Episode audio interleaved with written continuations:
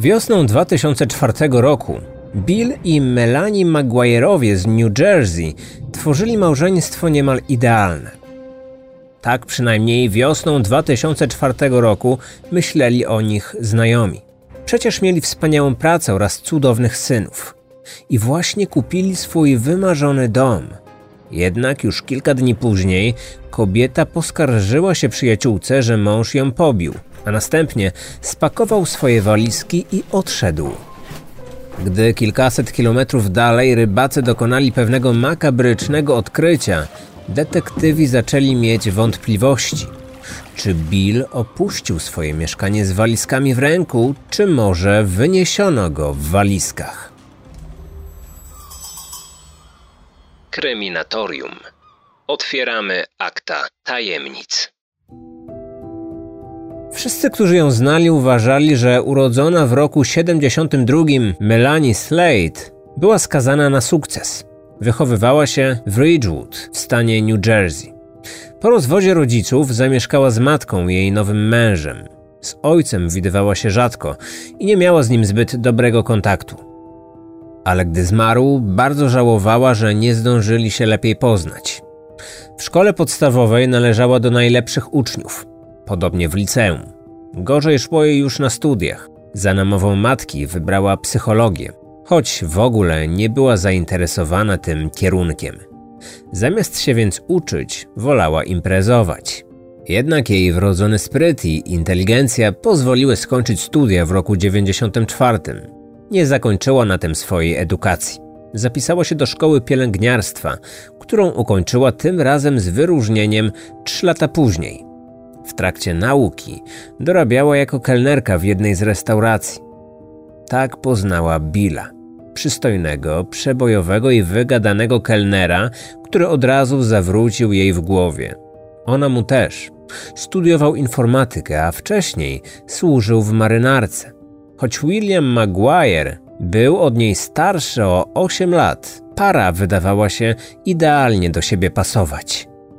Łączyło ich niemal wszystko: wspólne zainteresowania, podejście do życia, a przede wszystkim ich bardzo czarne, sarkastyczne poczucie humoru. Nieustannie sobie dogryzali, ale robili to z takim wdziękiem i taktem, że nie mogliśmy przestać się śmiać. Wystarczyło tylko na nich popatrzeć, aby móc stwierdzić, że oboje byli sobie pisani. Uwielbiali swoje towarzystwo i wydawało się, że nie mogą bez siebie żyć. Ich przyjaciele wierzyli, że już niedługo para stanie przed ołtarzem, ślubując sobie miłość, wierność i uczciwość małżeńską. Ale był jeden problem. Bill miał już żonę. Kilka miesięcy po poznaniu młodej kelnerki, Bill wystąpił o rozwód. A gdy w końcu uzyskał upragnioną wolność, stali się z Melanie nierozłączni. Pobrali się w roku 99. Niedługo później na świat przyszedł ich pierwszy syn. Wszystko wskazywało na to, że pisane jest im długie i szczęśliwe życie. On podjął pracę jako programista komputerowy w Instytucie Technologicznym New Jersey. Ona została pielęgniarką w klinice leczenia niepłodności. Większość jej pacjentów nie kryła, że właśnie Melanie była ich ulubioną pielęgniarką pełną ciepła i empatii, która dla wszystkich miała czas i ogromne serce. Kiedy urodził im się drugi syn, Maguire'owie, do tej pory mieszkający w wynajmowanym apartamencie, zaczęli się rozglądać za nowym, większym domem. Choć Bill nalegał, aby rodzina przeniosła się do jego rodzinnej Virginii, Melanie nawet nie chciała o tym słyszeć. Jednak okazało się, że znalezienie odpowiedniego domu w New Jersey nie było takie proste. Na początku XXI wieku ceny nieruchomości w tym stanie gwałtownie wzrosły. Za przyzwoity dom trzeba było zapłacić nawet półtora miliona dolarów. Melanie była załamana. Obawiała się, że nigdy nie uda im się uzbierać takiej sumy. Wtedy Bill przyznał się swojej żonie, że ma dodatkowe źródło utrzymania w Atlantic City mieście kasen i ruletki. Był hazardzistą, prawdziwym nałogowcem. Uwielbiał grać w karty, więc regularnie odwiedzał tamtejsze kasyna. Oczywiście ze zmiennym powodzeniem. Raz wygrywał, raz przegrywał, ale na początku 2004 roku zaczęło mu sprzyjać szczęście. Do domu wracał z coraz większymi sumami w kieszeni.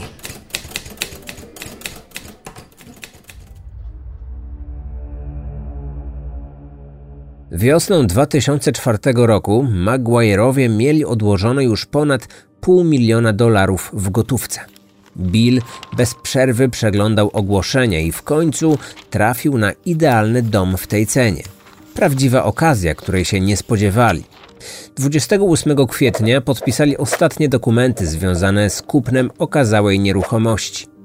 Mieli się do niej wprowadzić za miesiąc. Z tego powodu wypowiedzieli umowy najmu mieszkania, które do tej pory zajmowali. Małżeństwo postanowiło to uczcić przy lampce wina. Gdy dzieci poszły już spać, Melanie otworzyła butelkę drogiego czerwonego wina. Byli szczęśliwi jak nigdy. Ale czy na pewno? Następnego dnia około południa w domu państwa Rice w Virginii zadzwonił telefon. Słuchawkę podniosła Susan. Od razu rozpoznała głos Melanie. To była jej najlepsza przyjaciółka z New Jersey, ale tym razem jej głos był inny niż zwykle. Dzwoniąca 32-latka była bardzo zdenerwowana. Płakała. Wypowiadane przez nią zdania z trudem układały się w logiczną całość. Dopiero po dłuższej chwili Susan zrozumiała, że wieczór Maguire'ów nie zakończył się tak jak powinien, gdy małżeństwo świętuje zakup nowego domu o czym zszokowana kobieta opowiedziała w filmie dokumentalnym amerykańskiej stacji ABC Network. Melanie opowiedziała przyjaciółce, że poprzedniej nocy doszło między nią a Billem do ostrej awantury, że pokłócili się o przeprowadzkę. Nagle zaczął krzyczeć, że tak naprawdę to nigdy nie chciał mieszkać w New Jersey, że chce wrócić do Virginii, skąd pochodził, na koniec przyznał się, że od dawna ją zdradzał z przygodnymi paniami poznanymi w kasynie. Gdy Melanie próbowała go uspokoić, uderzył ją w twarz. Przerażona kobieta uciekła z sypialni i zamknęła się od środka w łazience. Siedząc pod drzwiami, słyszała, jak jej mąż w pośpiechu pakuje swoje ubrania do walizki. Zanim trzasnął drzwiami, wychodząc z ich domu, zapowiedział swojej żonie, że już nigdy więcej go nie zobaczy. Susan nie mogła uwierzyć w to, co usłyszała. Ona przyjaźniła się z Melanie, a jej mąż, John, z Billem. I to od czasu ich wspólnej służby w armii. Oboje próbowali dzwonić do Billa, ale mężczyzna nie odbierał swojego telefonu. Ani tego dnia, ani w następne. Jednak coś im nie pasowało. Przecież Bill nigdy nie zostawiłby swoich synów. I właśnie kupił swój dom, o którym zawsze marzył. Susan i John Często spotykali się z Maguire'ami, ale nigdy nie zauważyli, żeby para miała jakiekolwiek kłopoty małżeństwie. Czyżby Bill przez tyle lat skutecznie ukrywał swoją drugą twarz? Tak właśnie twierdziła Melanie, która następnego dnia udała się do sądu rodzinnego, aby uzyskać zakaz zbliżania się Billa do niej i ich dzieci. Na wypadek, gdyby czterdziestolatek zdecydował się wrócić do domu, aby zrobić jej krzywdę. Motywowała to ogromnym strachem przed nieobliczalnym i uzależnionym od hazardu mężem. Złożyła też wniosek o rozwód. Przez następne dni na komórkę Billa próbowali się dodzwonić nie tylko Rajsowie. Koledzy, nie tylko z pracy, ale i z kasyna, za nic na świecie nie mogli się z nim skontaktować. Jego telefon był wyłączony. Zostawiali więc wiadomości na jego poczcie głosowej. Prosili, aby się odezwał, jeśli ma jakieś kłopoty. A jeśli nie chciał im powiedzieć, gdzie jest, żeby przynajmniej zadzwonił i powiedział, że żyje. Ale Bill nie oddzwaniał. Szukali go wszyscy, tylko nie Melanie.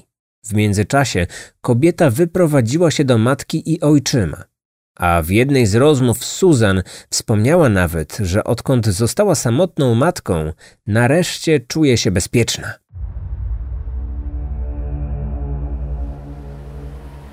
Wiosną w zatoce Chesapeake w Virginii aż roi się od wędkarzy.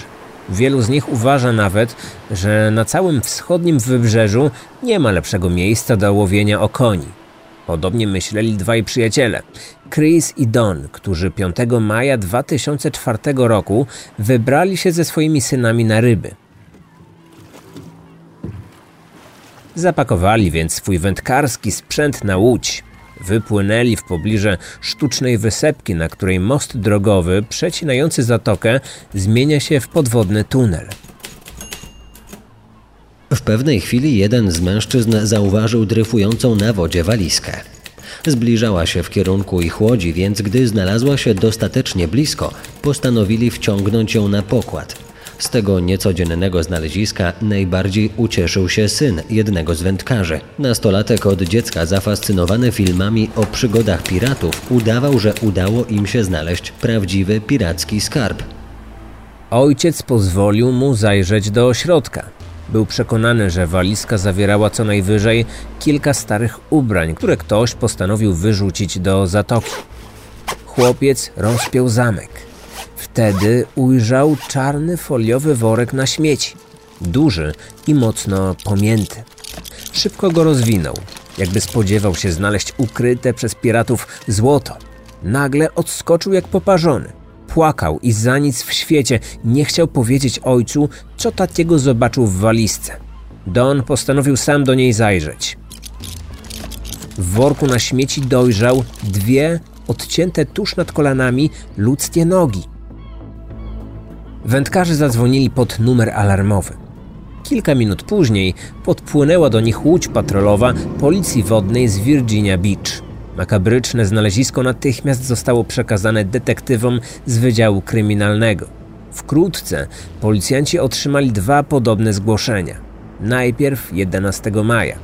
Znaleziona na plaży walizka zawierała odciętą głowę i tors z rękami owinięte w ten sam rodzaj worków na śmieci oraz ręcznik medyczny. Głowa dodatkowo owinięta była w szpitalny koc.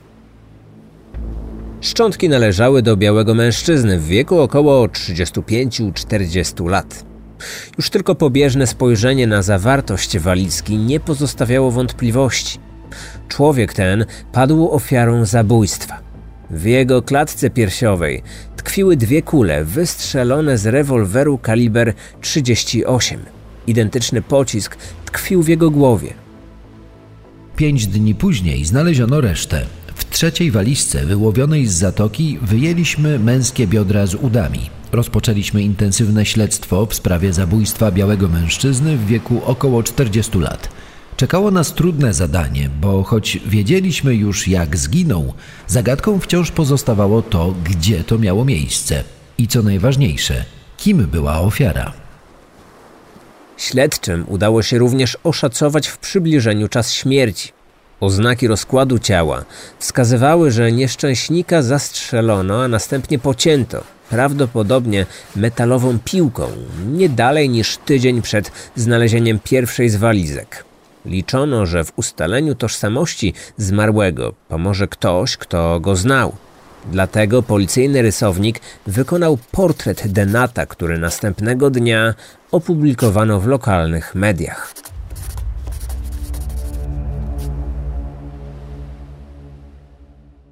Susan Rice od kilku dni z wielkim zainteresowaniem śledziła wszelkie telewizyjne doniesienia o makabrycznym odkryciu z Virginia Beach.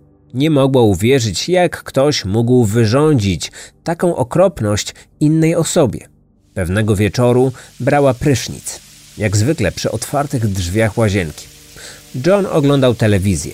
Dość głośno, więc słyszała, że prezenter wiadomości znów wspomina o walizkach i zabójstwie anonimowego mężczyzny.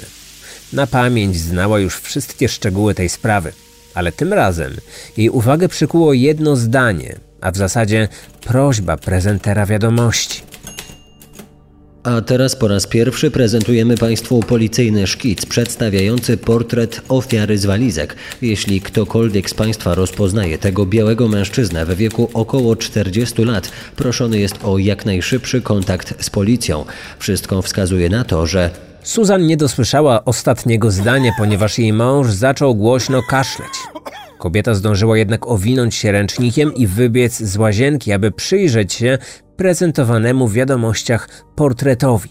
Stanęła w progu salonu, spojrzała na ekran telewizora i zaniemowiła. Wojskowa, krótko przystrzyżona fryzura, pełna twarz, charakterystyczne znamie poniżej prawej skroni. John widział to samo.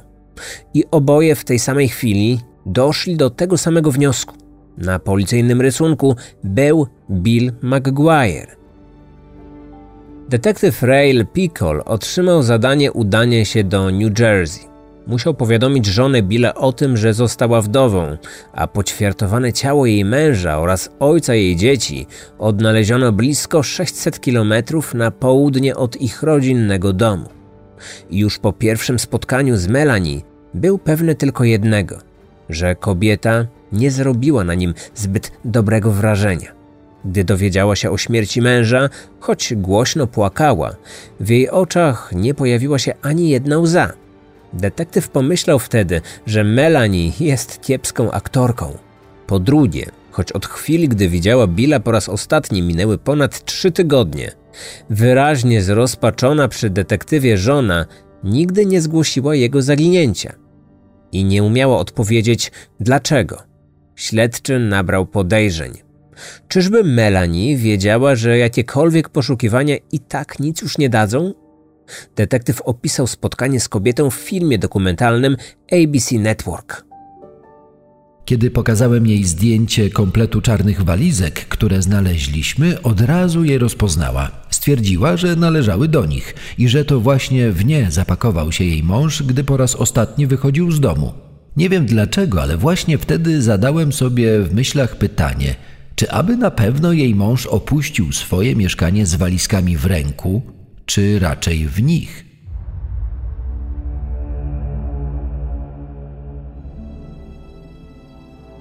Podejrzenia podejrzeniami, ale nawet najbardziej prawdopodobne z nich nie były przecież dowodami. Nie mogły świadczyć o tym, że Melanie miała coś do ukrycia.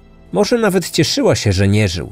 Jasne, to mogło świadczyć źle o niej jako o człowieku, ale na pewno nie czyniło z niej zabójczyni. Detektywi z tą wiedzą przeprowadzili przeszukanie mieszkania, w którym Bill widziany był po raz ostatni.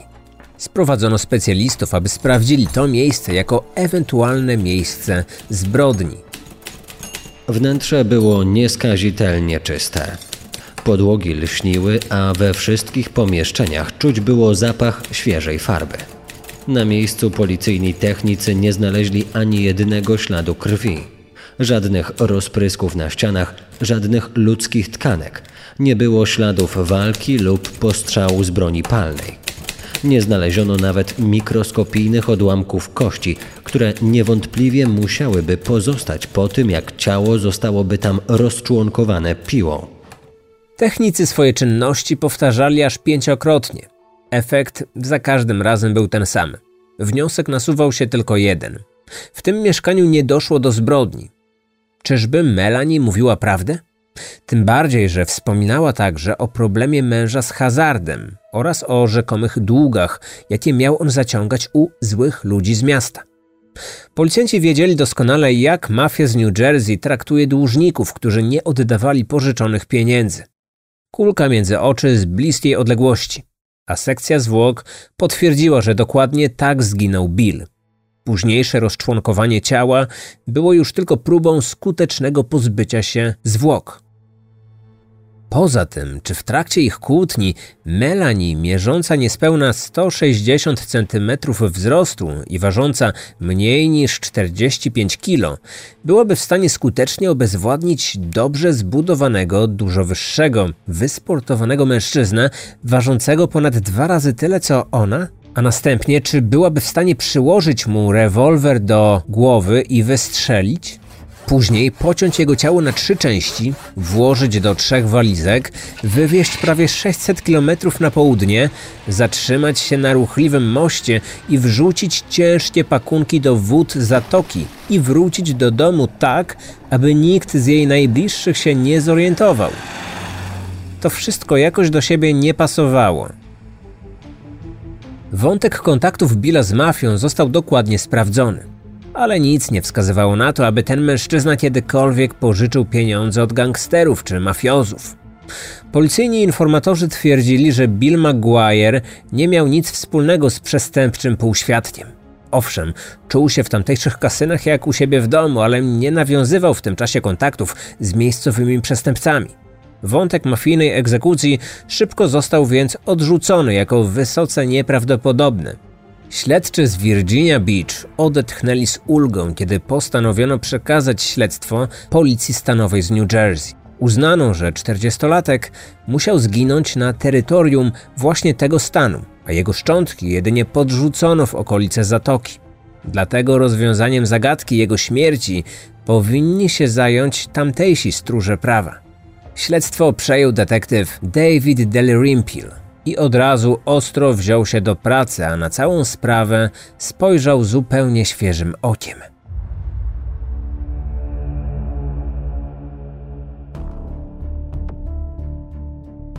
Na początku postanowił sprawdzić, czy ktokolwiek z kręgu znajomych Billa kupił w ostatnim czasie rewolwer.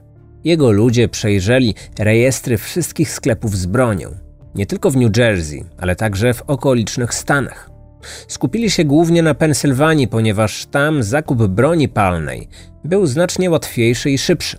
I to był dobry kierunek.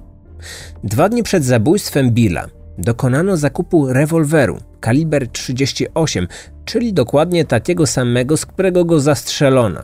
Klientem niewielkiego sklepu we wschodniej Pensylwanii była Melanie. Kobieta wytłumaczyła to jednak detektywom, że zrobiła to na prośbę męża, który bardzo chciał mieć broń, ponieważ obawiał się o własne życie.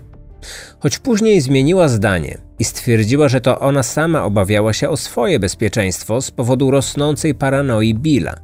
Ale było coś jeszcze. Gdy policjanci dokładnie sprawdzili ten zakup, okazało się, że poza bronią Melanie dokonała zakupu czegoś za 9 dolarów i 95 centów. Paragon nie pokazywał, co zostało kupione, ale tylko dwa towary były w sklepie w takiej cenie. Jednym z nich był komplet ostrzy do elektrycznej ręcznej piły. Melanie nie pamiętała, jakiego zakupu dokonała za niespełna 10 dolarów, ale była pewna, że nie były to ostrza do piły. Ani broni, ani piły nie znaleziono na przypuszczalnym miejscu zbrodni. Melanie twierdziła, że rewolwer zniknął razem z jej mężem. Nie można więc było wykonać analizy balistycznej potwierdzającej, że to właśnie z tej broni zastrzelono mężczyznę. Zbiór poszlak działających na niekorzyść 32-latki wciąż się poszerzał. Jednak nie było dowodów, że kobieta mogła mieć coś wspólnego z jego śmiercią. Policjanci wezwali ją na przesłuchanie. Zapytana, czy wie, dokąd mógł pojechać jej mąż po opuszczeniu domu, odpowiedziała, że tak, do kasyna w Atlantic City. I jej zdaniem to właśnie tam detektywi powinni odnaleźć jego samochód. Tak też się stało. Na wskazanym przez Melanie parkingu stał sportowy Nissan Billa. Przeczucie żony? A może była to jej sprawka? Wdowa sama przyznała się, że to drugie.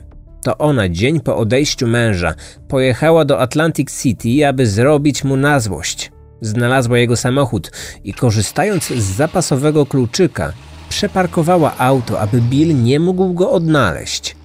Melanie zeznała, że choć zdawała sobie sprawę, że takie zachowanie było mocno nieracjonalne, to jednak nie mogła oprzeć się pokusie, aby wywinąć mu jakiś podły numer. Śledczy przeszukali samochód. W schowku na rękawiczki znaleźli tajemniczą fiolkę zawierającą białą substancję.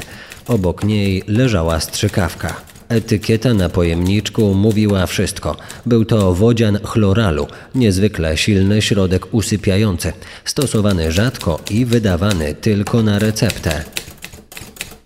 Sprawdzono więc apteki, zaczynając od tych położonych najbliżej miejsc związanych z Melanie. Kolejny raz trafili. W aptece mieszczącej się tuż przy przedszkolu, do którego odwoziła swoich synów.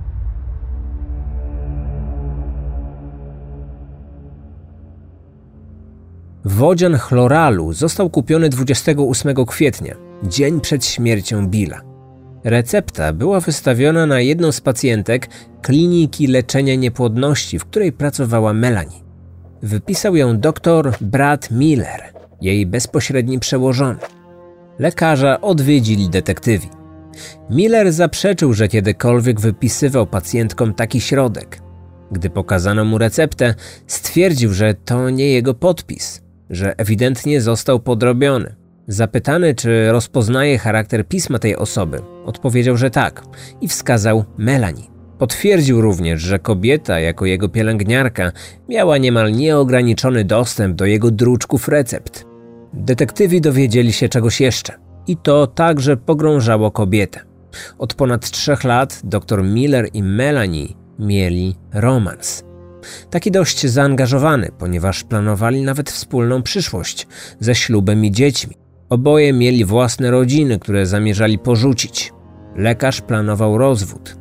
Czyżby Melanie zdecydowała się na znacznie szybszy sposób zakończenia własnego małżeństwa? Czy Bill zginął, ponieważ od pewnego czasu stał na drodze Melanie do szczęścia? Śledztwo wykluczyło, aby lekarz mógł mieć cokolwiek wspólnego ze śmiercią Billa. Ani jako sprawca, ani pomocnik. Ale Melanie miała motyw, a nawet dwa. Prześwietlając jej życie, odkryto, że kilka miesięcy wcześniej Maguire'owie wykupili sobie polisę na życie. W przypadku śmierci jednego z małżonków, drugie z nich miało otrzymać od firmy ubezpieczeniowej okrągły milion dolarów. Może niewiele, ale wliczając w to zakupiony właśnie dom za połowę tej kwoty, można już było myśleć o wspólnej przyszłości z kochankiem. Choć śledczy nie dysponowali absolutnie żadnymi dowodami, mogącymi powiązać pielęgniarkę zarówno z jego zniknięciem, jak i z zabójstwem, prokuratura uznała, że łańcuch poszlak jest wystarczająco mocny, aby można było sporządzić akt oskarżenia. 2 czerwca 2005 roku, niewiele ponad rok po odnalezieniu trzech walizek z kawałkami Billa, Melanie została aresztowana. Policjanci śledzili ją tego dnia od samego rana. Poczekali, aż kobieta bezpiecznie odwiezie synów do przedszkola. Zatrzymali ją na parkingu, gdy wracała do swojego samochodu. Nie opierała się i nie protestowała. Jedynie stanowczo twierdziła, że jest niewinna.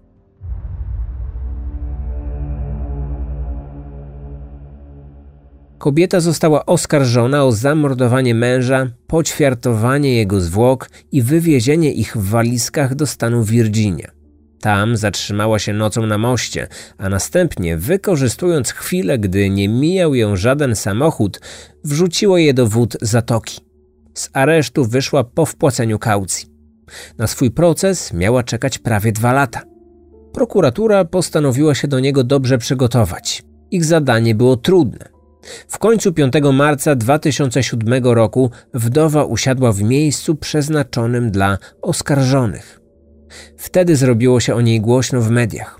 Prasa nazwała ją wielką nierządnicą, ale w pamięci opinii publicznej znacznie bardziej zapisał się jej drugi przydomek królowa lodu.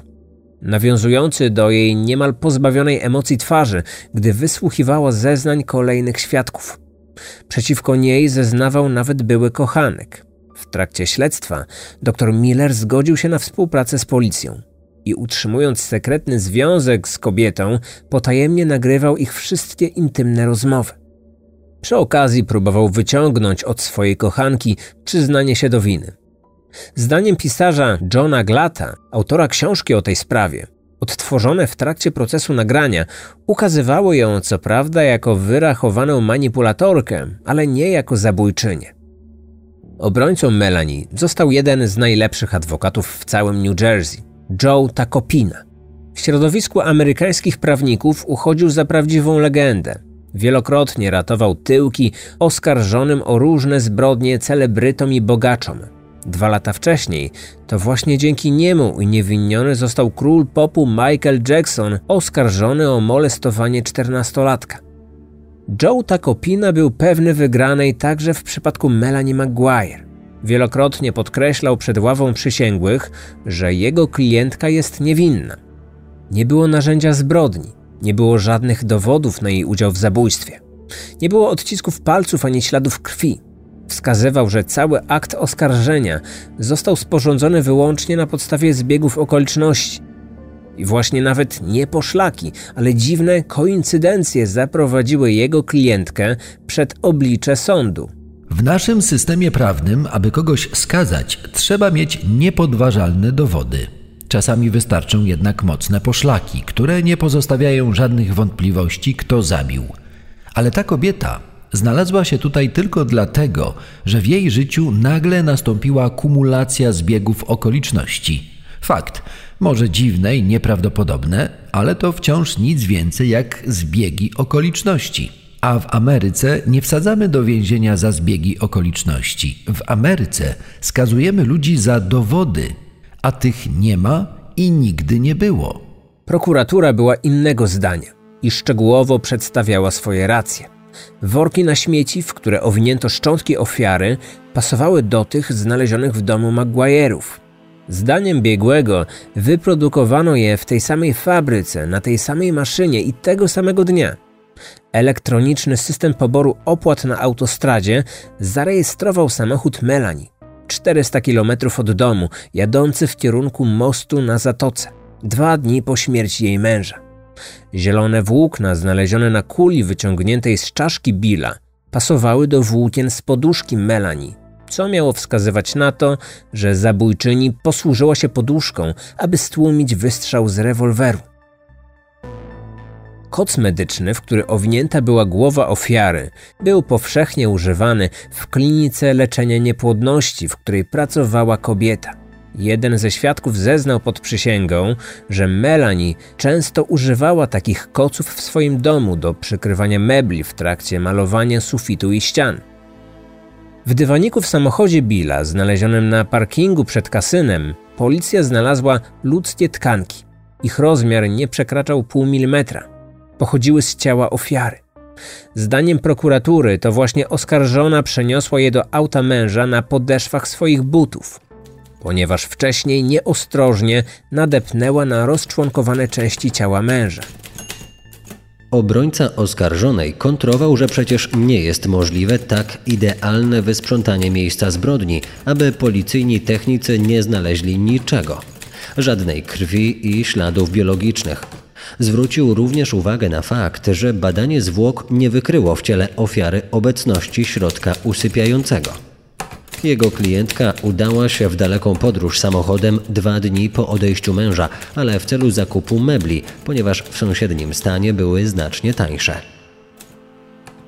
Joe Takopina robił co tylko mógł, aby przedstawić swoją klientkę nie jako bezlitosną zabójczynię, ale jako niewinną ofiarę przemocy domowej jako kobietę, którą niewierny i uzależniony od hazardu mąż porzucił. Opisał Billa jako człowieka zadłużonego po uszy u mafii.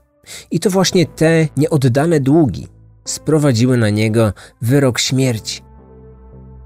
Prokurator kontrował, że przecież nie ma żadnych dowodów na powiązanie ofiary ze światem przestępczym, na co obrońca Melanie od razu stanowczo zareagował.